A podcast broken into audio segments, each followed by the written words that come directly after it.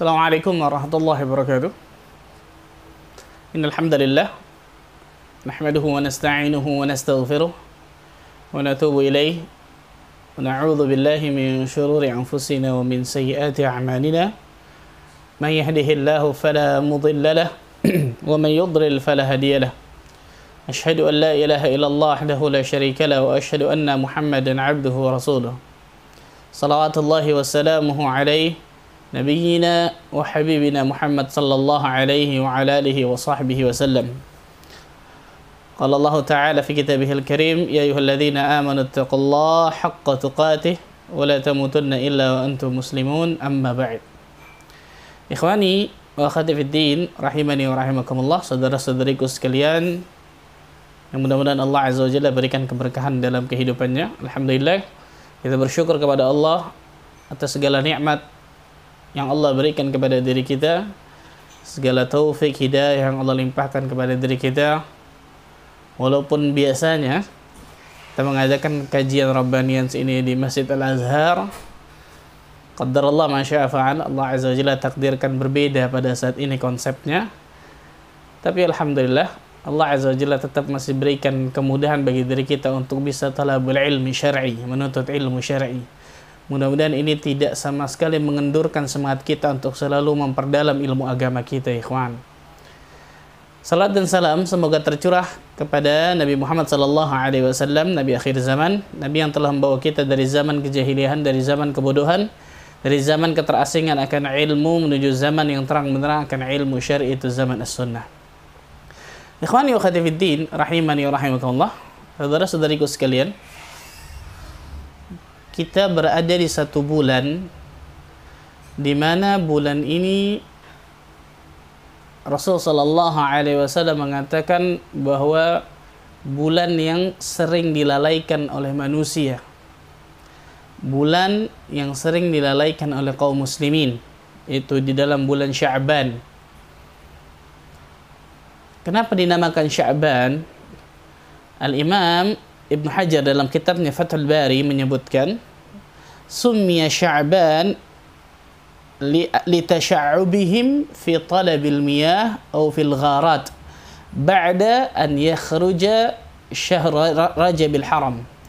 Dinamakan Sya'ban litasha'ubihim karena dari kata-kata sya'b Sya'ban sya'b litasha'ubihim mereka manusia ini berpencar-pencar fi talabil dalam mencari air pada bulan ini bulan Sya'ban ini nih.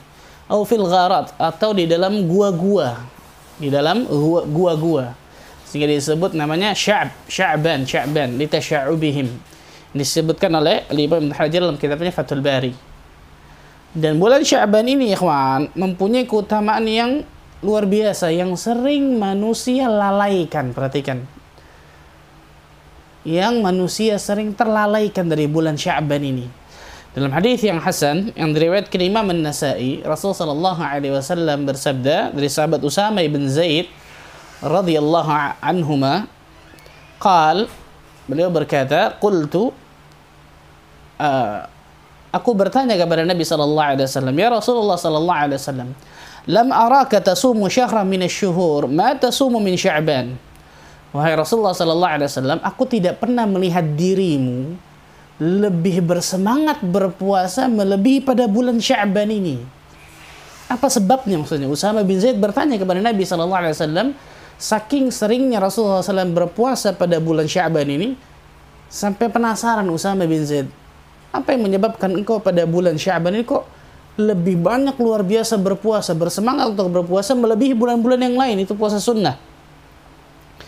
Qal maka Rasul sallallahu alaihi wasallam mengatakan dzalika syahrun yaghfulun nasu anhu. Itu adalah bulan di mana manusia sering terlalaikan dari bulan Sya'ban itu. Mengapa? Rasul sallallahu alaihi wasallam menyebutkan alasannya baina Rajab wa Ramadan. Karena Sya'ban ini antara bulan Rajab dan bulan Ramadan. Perhatikan ya ikhwan. Antara bulan Rajab kita tahu bersama bulan Rajab adalah min ashhur min ashhuril hurum di antara bulan-bulan haram. Di antara bulan-bulan haram yang dimuliakan oleh Allah, kemudian Ramadan.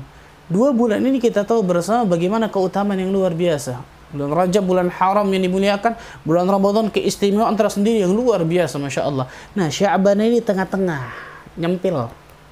Sya'ban ini diapit oleh dua bulan yang luar biasa ini sehingga manusia sering melalaikan bulan Sya'ban ini kata Nabi sallallahu alaihi wasallam. Kemudian beliau melanjutkan di antara keutamaan dari bulan Sya'ban ini beliau melanjutkan apa itu? Wa huwa syahrun turfa'u fihi al-a'mal ila rabbil alamin Padahal dia adalah bulan di mana amal-amal seorang hamba akan diangkat kepada Allah tabaraka wa taala. Fa uhibbu an yarfa 'amali wa ana sha'im dan aku menyukai mencintai ketika amalku diangkat kepada Allah azza wajalla aku dalam keadaan berpuasa. Lihat berarti bulan Sya'ban ini di antara keutamanya adalah pengangkatan amal catatan amal kita kepada Allah azza wajalla. Para ulama menyebutkan bahwa pengangkatan catatan amal manusia itu ada tiga bentuk. Ada yang mengatakan dua bentuk, ada yang mengatakan tiga bentuk. Yang pertama, yaumian, harian. Itu malaikat pagi dan petang. Malaikat pagi dan petang bergantian untuk mengangkat catatan amal kita kepada Allah Azza wa Jalla ketika pagi dan juga ketika petang. Yang kedua, usbu'iyan. Yang kedua adalah mingguan itu setiap hari Senin dan setiap hari, hari Kamis. Nanti kita bacakan hadisnya. Setiap hari Senin dan setiap hari Kamis malaikat itu melaporkan ini mingguan. Melaporkan catatan amal kepada Allah tabaraka wa taala itu catatan amal seorang hamba kepada Allah. Dan yang ketiga sanawiyan yaitu tahunan. Itu bulan-bulan Sya'ban ini. Nah, ini di antara keutamaan luar biasa pada bulan Sya'ban ini ketika amal-amal seorang hamba diangkat kepada Allah karena itu Nabi Shallallahu Alaihi Wasallam mengatakan fa uhibbu an yarfa amali wa ana saim karena itu aku menyukai ketika aku catatanku diangkat kepada Allah Azza wa Jalla aku dalam keadaan berpuasa Masya Allah Ikhwani wa khatifiddin rahimani wa rahimakallah. Karena itu janganlah kita menjadi orang-orang yang terlalaikan termasuk orang yang teralaikan dari bulan Sya'ban ini. Bayangkan Rasul sallallahu alaihi wasallam sudah mengatakan bahwa Sya'ban ini di antara bulan Rajab dan bulan Ramadan sehingga banyak orang melalaikan. Apalagi qaddarallah Allah takdirkan sekarang sedang terjadi kasus itu Covid-19 lebih manusia melalaikan lagi bulan ini subhanallah maka jangan kita termasuk golongan hamba-hamba Allah yang terlalaikan dari bulan Sya'ban ini, ikhwan. Karena bulan Sya'ban ini di antara penentuan apakah ketika kita nanti masuk ke Ramadan kita bisa mendapatkan keutamaan yang lebih luar biasa lagi ketika bulan Ramadan, ikhwan. Kalau di bulan Sya'ban aja kita gagal, bagaimana ketika Ramadan nantinya, ikhwan? Kalau di bulan Sya'ban saja kita tidak tidak ada pemanasan, di bulan Sya'ban kita tidak ada persiapan untuk menyambut syahrul Ramadan, bulan Ramadan yang sangat luar biasa dinantikan oleh orang-orang saleh dinantikan orang-orang yang bertakwa kepada Allah.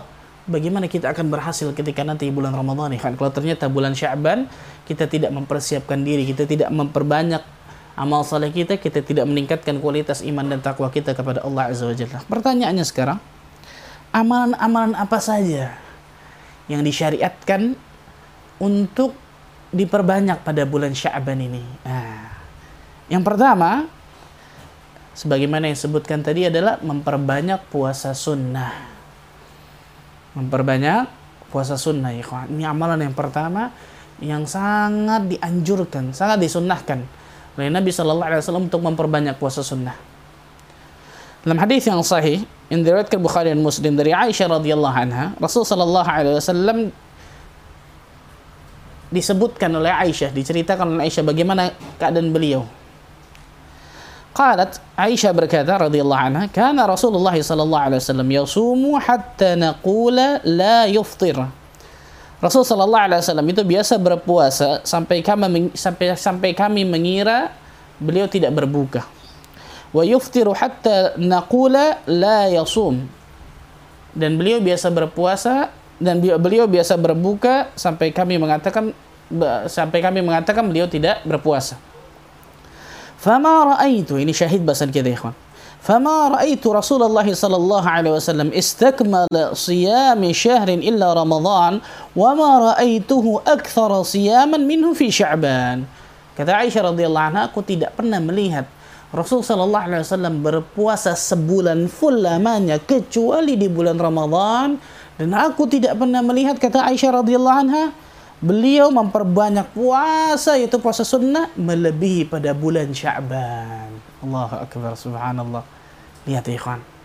Bagaimana luar biasa besarnya keutamaan berpuasa di dalam bulan Sya'ban ini. Di antara hikmahnya kata para ulama tidak lain tidak bukan apa? Untuk memberikan ta'awud, ke pembiasaan diri, ikhwan. Nah orang yang tidak terbiasa dalam berpuasa, kemudian tiba-tiba Ramadan, langsung satu Ramadan dia puasa, kaget biasa tubuhnya, bisa jatuh sakit, bisa lemah, bisa lemas, sehingga mau ibadah yang lain juga nggak ada, tidak ada semangat. Maka yang seperti ini akan kehilangan Ramadan, bukan hanya kehilangan Syaban, tapi juga kehilangan Ramadan.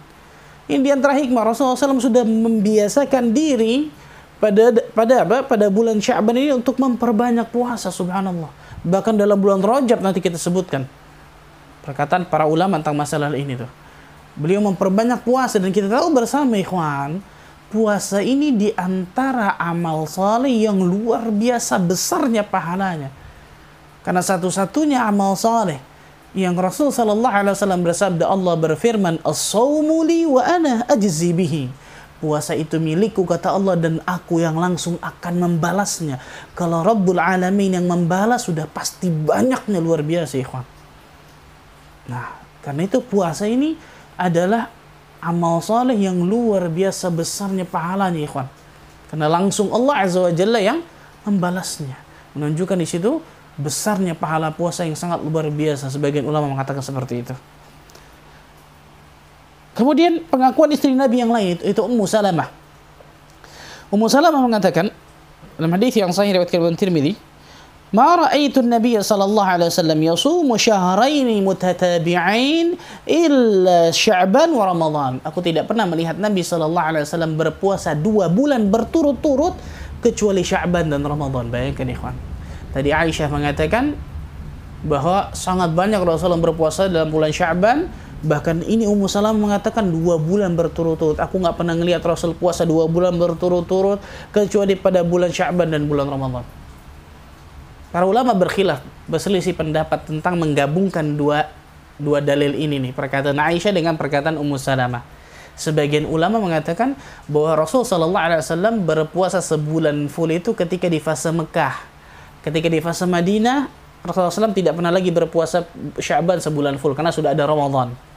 Sebagian ulama yang lain mengatakan ter, Rasul Sallallahu Alaihi Wasallam pernah di Madinah pula tahun ini berpuasa Syaban sebulan full, tahun depan nanti tidak. Kenapa? Karena beliau sering meninggalkan sebagian sunnah-sunnah karena ditakutkan diwajibkan pada umatnya ini di antara rahmatnya Nabi Sallallahu Alaihi Wasallam kepada kita ya kawan. Ala kulihal, Terlepas dari khilaf ulama tentang masalah Rasulullah puasa sebulan full Sya'ban atau tidak, intinya adalah bagaimana banyaknya Nabi Shallallahu Alaihi Wasallam memperbanyak puasa sunnah pada bulan Sya'ban ini.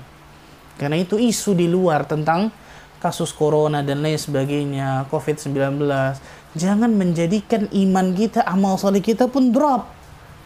Kebanyakan membaca berita, mendengarkan berita menjadikan kemudian imun kita turun karena takut kecemasan yang luar biasa. Ini salah ikhwan. Sibukkan diri dengan beribadah kepada Allah. Sibukkan diri kita dengan husnudzan berbaik sangka kepada Allah. Tidak mungkin Allah Azza wa Jalla membebani makhluknya, hambanya, kecuali memang hamba itu siap untuk memikulnya. La yukallifullahu nafsan illa wasa'aha.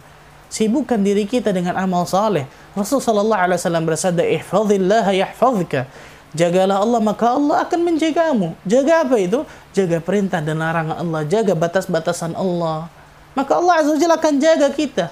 Apa yang Allah jaga pada diri kita? Dua hal secara garis besar Allah jaga. Allah jaga dunia kita dan Allah jaga akhirat kita. Maka pada bulan Syaban ini ikhwan tingkatkan di antara amal saleh yang bisa kita perbanyak tidak lain tidak bukan adalah berpuasa sunnah pada bulan Syaban ini, memperbanyak puasa sunnah pada bulan Syaban ini. Perbanyak ikhwan. Baik itu Senin Kemis, baik itu Ayyamul Bid, baik itu puasa uh, Daud misal, baik itu puasa sunnah mutlak dan lain sebagainya. Perbanyak puasa pada bulan Syaban ini. Perbanyak puasa. Untuk apa? Tidak lain tidak bukan untuk membiasakan diri kita. Sebelum kita masuk Ramadan, kita sudah terbiasa untuk berpuasa sehingga ketika masuk Ramadan sudah terbiasa untuk melaksanakan puasa dan ibadah-ibadah yang lain. Kemudian yang kedua, amal soleh yang kedua yang bisa dilakukan pada bulan Sya'ban ini adalah qiraatul Quran, memperbanyak membaca Al-Quran. Subhanallah. Seorang ulama yang bernama Salam bin Kuhail rahimahullah taala dalam kitab Lataiful Ma'arif Ibn Rajab menyebutkan Salamah bin Kuhail mengatakan kana yuqalu syahru Sya'ban syahrul qurra. Dahulu bulan Sya'ban itu dinamakan bulannya Al-Qurra, syahrul qurra. Bulannya para pembaca Al-Qur'anul Karim. Allahu akbar. Lihat hebatnya ulama salaf terdahulu ini, ikhwan. Dahulu para ulama menamakan sering bulan Sya'ban ini syahrul qurra, bulannya para pembaca Al-Qur'anul Karim. Kenapa? Karena para ulama memulai untuk memperbanyak membaca Al-Quran pada bulan Syaban ini. Untuk apa? Tadi tidak lain tidak bukan untuk membiasakan diri. Sehingga ketika masuk Ramadan itu nggak kaget ya kawan. Ada orang-orang yang ketika baru satu Ramadan baru buka Al-Qur'annya satu lembar nguapnya udah 10 kali. Subhanallahiladzim. Baru satu lembar ayat baru satu lembar. Belum dua lembar, belum satu juz, dan lain sebagainya subhanallah. Bagaimana kalau kemudian apa? Kita baca Al-Quran dan tidak ada persiapan. Bulan Ramadan ini bulan yang luar biasa, ikhwan. Kalau kita tidak mempersiapkan diri dari bulan Syaban, bahkan dari bulan sebelumnya, Rajab, bahkan enam bulan sebelumnya, para ulama salah mempersiapkan untuk doa dan lain sebagainya, maka bisa jadi kita gagal nanti di bulan Ramadan. Na'udzubillah min ikhwan. Subhanallah. Di antaranya ini memperbanyak membaca Al-Quran. Bahkan seorang ulama salaf yang bernama Amr ibn Qais ketika datangnya bulan Sya'ban, beliau menutup toko-tokonya. Menutup tokonya, bayangkan, nutup. Menutup tokonya, nggak dagang, kemudian mengosongkan hatinya dengan memperbanyak membaca Al-Quran. Mengosongkan hatinya dengan kalamullah, dengan zikrullah, dengan mengingat Allah Azza wa Jalla dan kalamullah membaca Al-Quran di antara amalan yang luar biasa besarnya pahalanya ikhwan. Rasulullah sallallahu alaihi wasallam bersabda dalam hadis yang sahih yang diriwayatkan Imam Muslim, "Iqra'ul Qur'an fa innahu ya'ti yaumal qiyamati syafi'an li ashabihi." Bacalah oleh kalian Al-Qur'an karena Al-Qur'an ini akan datang di hari kiamat syafi'an, memberikan pertolongan, memberikan syafaat li ashabihi bagi para sahibnya bagi para sahabatnya, bagi para pembaca Al-Quran, bagi orang yang mau dekat dengan Al-Quranul Karim. Jadi dekatnya kepada Al-Quran, bukan dekatnya kepada nyanyian, musik, dan lain sebagainya. Dekat kepada Al-Quran, kalamullah ikhwan. Ini yang kedua. Itu memperbanyak apa? Membaca, membaca Al-Quran Karim. Kemudian yang ketiga, memperbanyak doa kepada Allah ikhwan. Iya. Memperbanyak doa kepada Allah Walaupun sebenarnya para ulama salaf terdahulu berdoa kepada Allah untuk menyambut Ramadan itu enam bulan sebelum datangnya Ramadan. Itu luar biasanya ulama salaf ya kawan.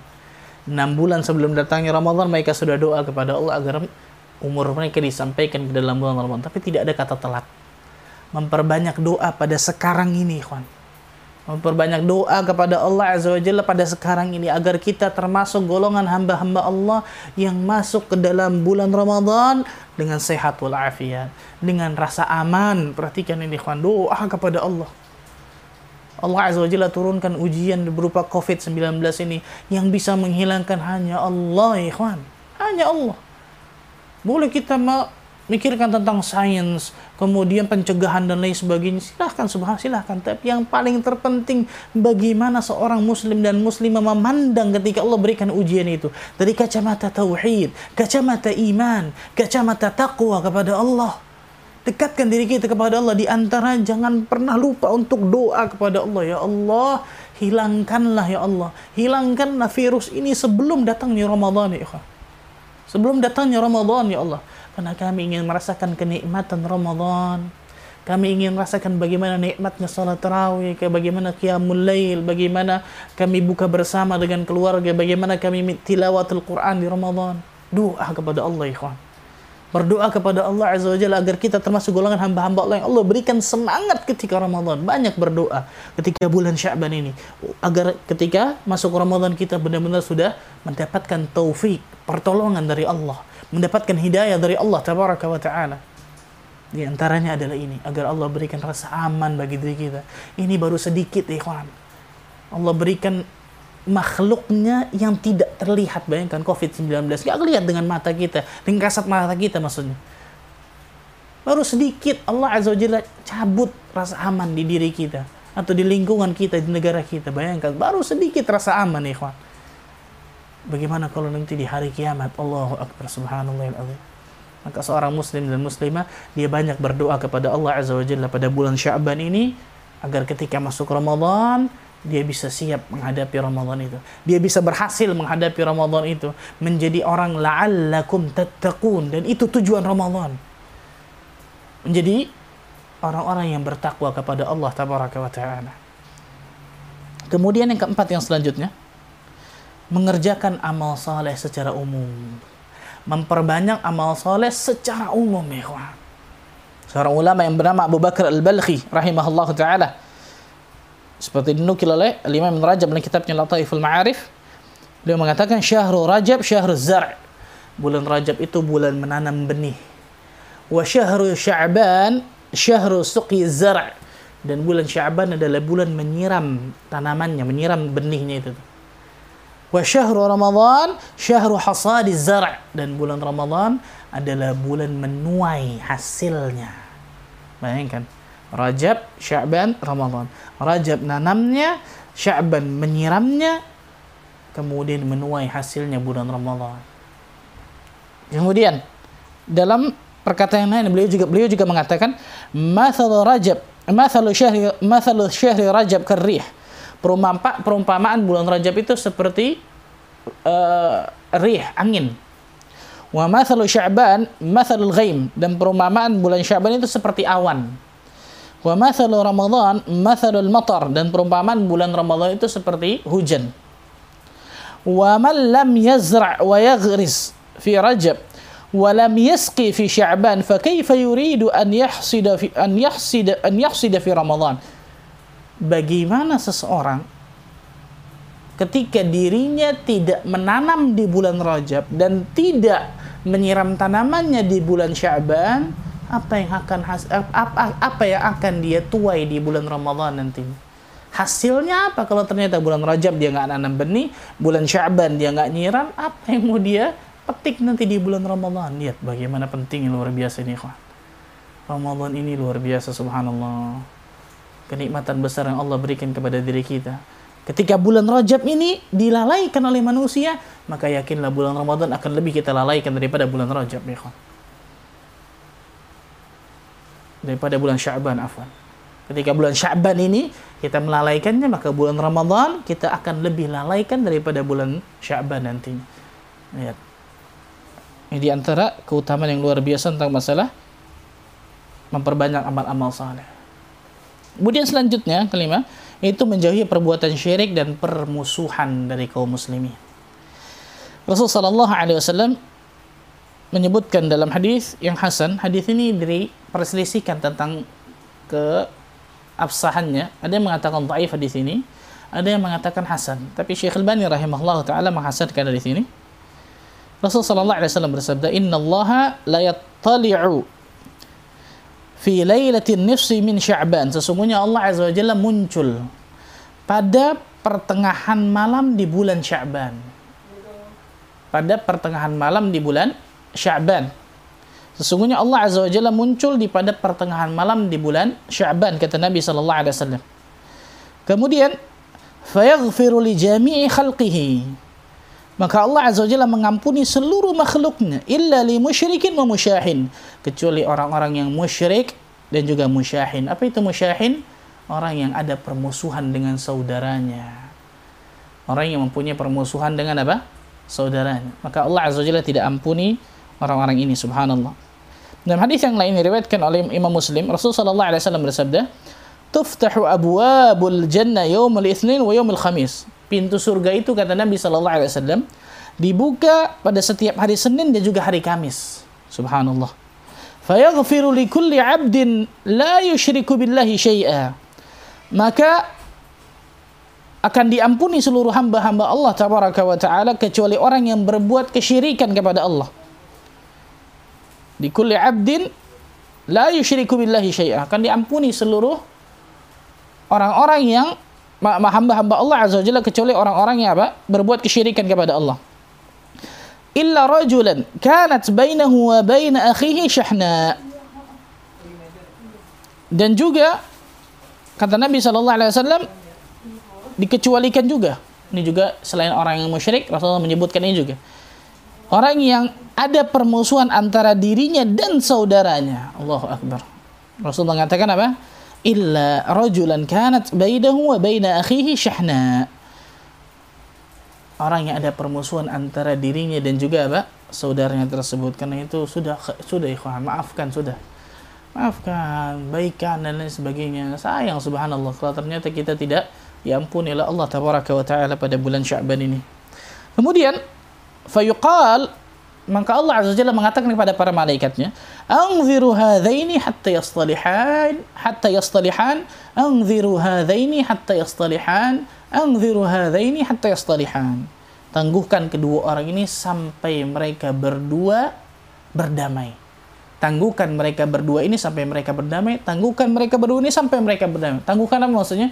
Tangguhkan pengampunan dari Allah Azza wa Jalla. Subhanallah kita hidup ingin diampuni Allah ikhwan sudah selesai jangan karena jangan karena masalah duniawi masalah sepele akhirnya kita tidak mendapatkan ampunan Allah karena apa permusuhan antara diri kita dan saudara kita naudzubillah min dzalik ini sebagian dari yang bisa kita sampaikan pada bulan Sya'ban ini yang saya tutup dengan amal-amal yang tidak ada sunnahnya dari Nabi Shallallahu Alaihi Wasallam. Nanti kita akan lihat bagaimana kaum muslimin terutama pada pertengahan nisfu Sya'ban dan lain sebagainya.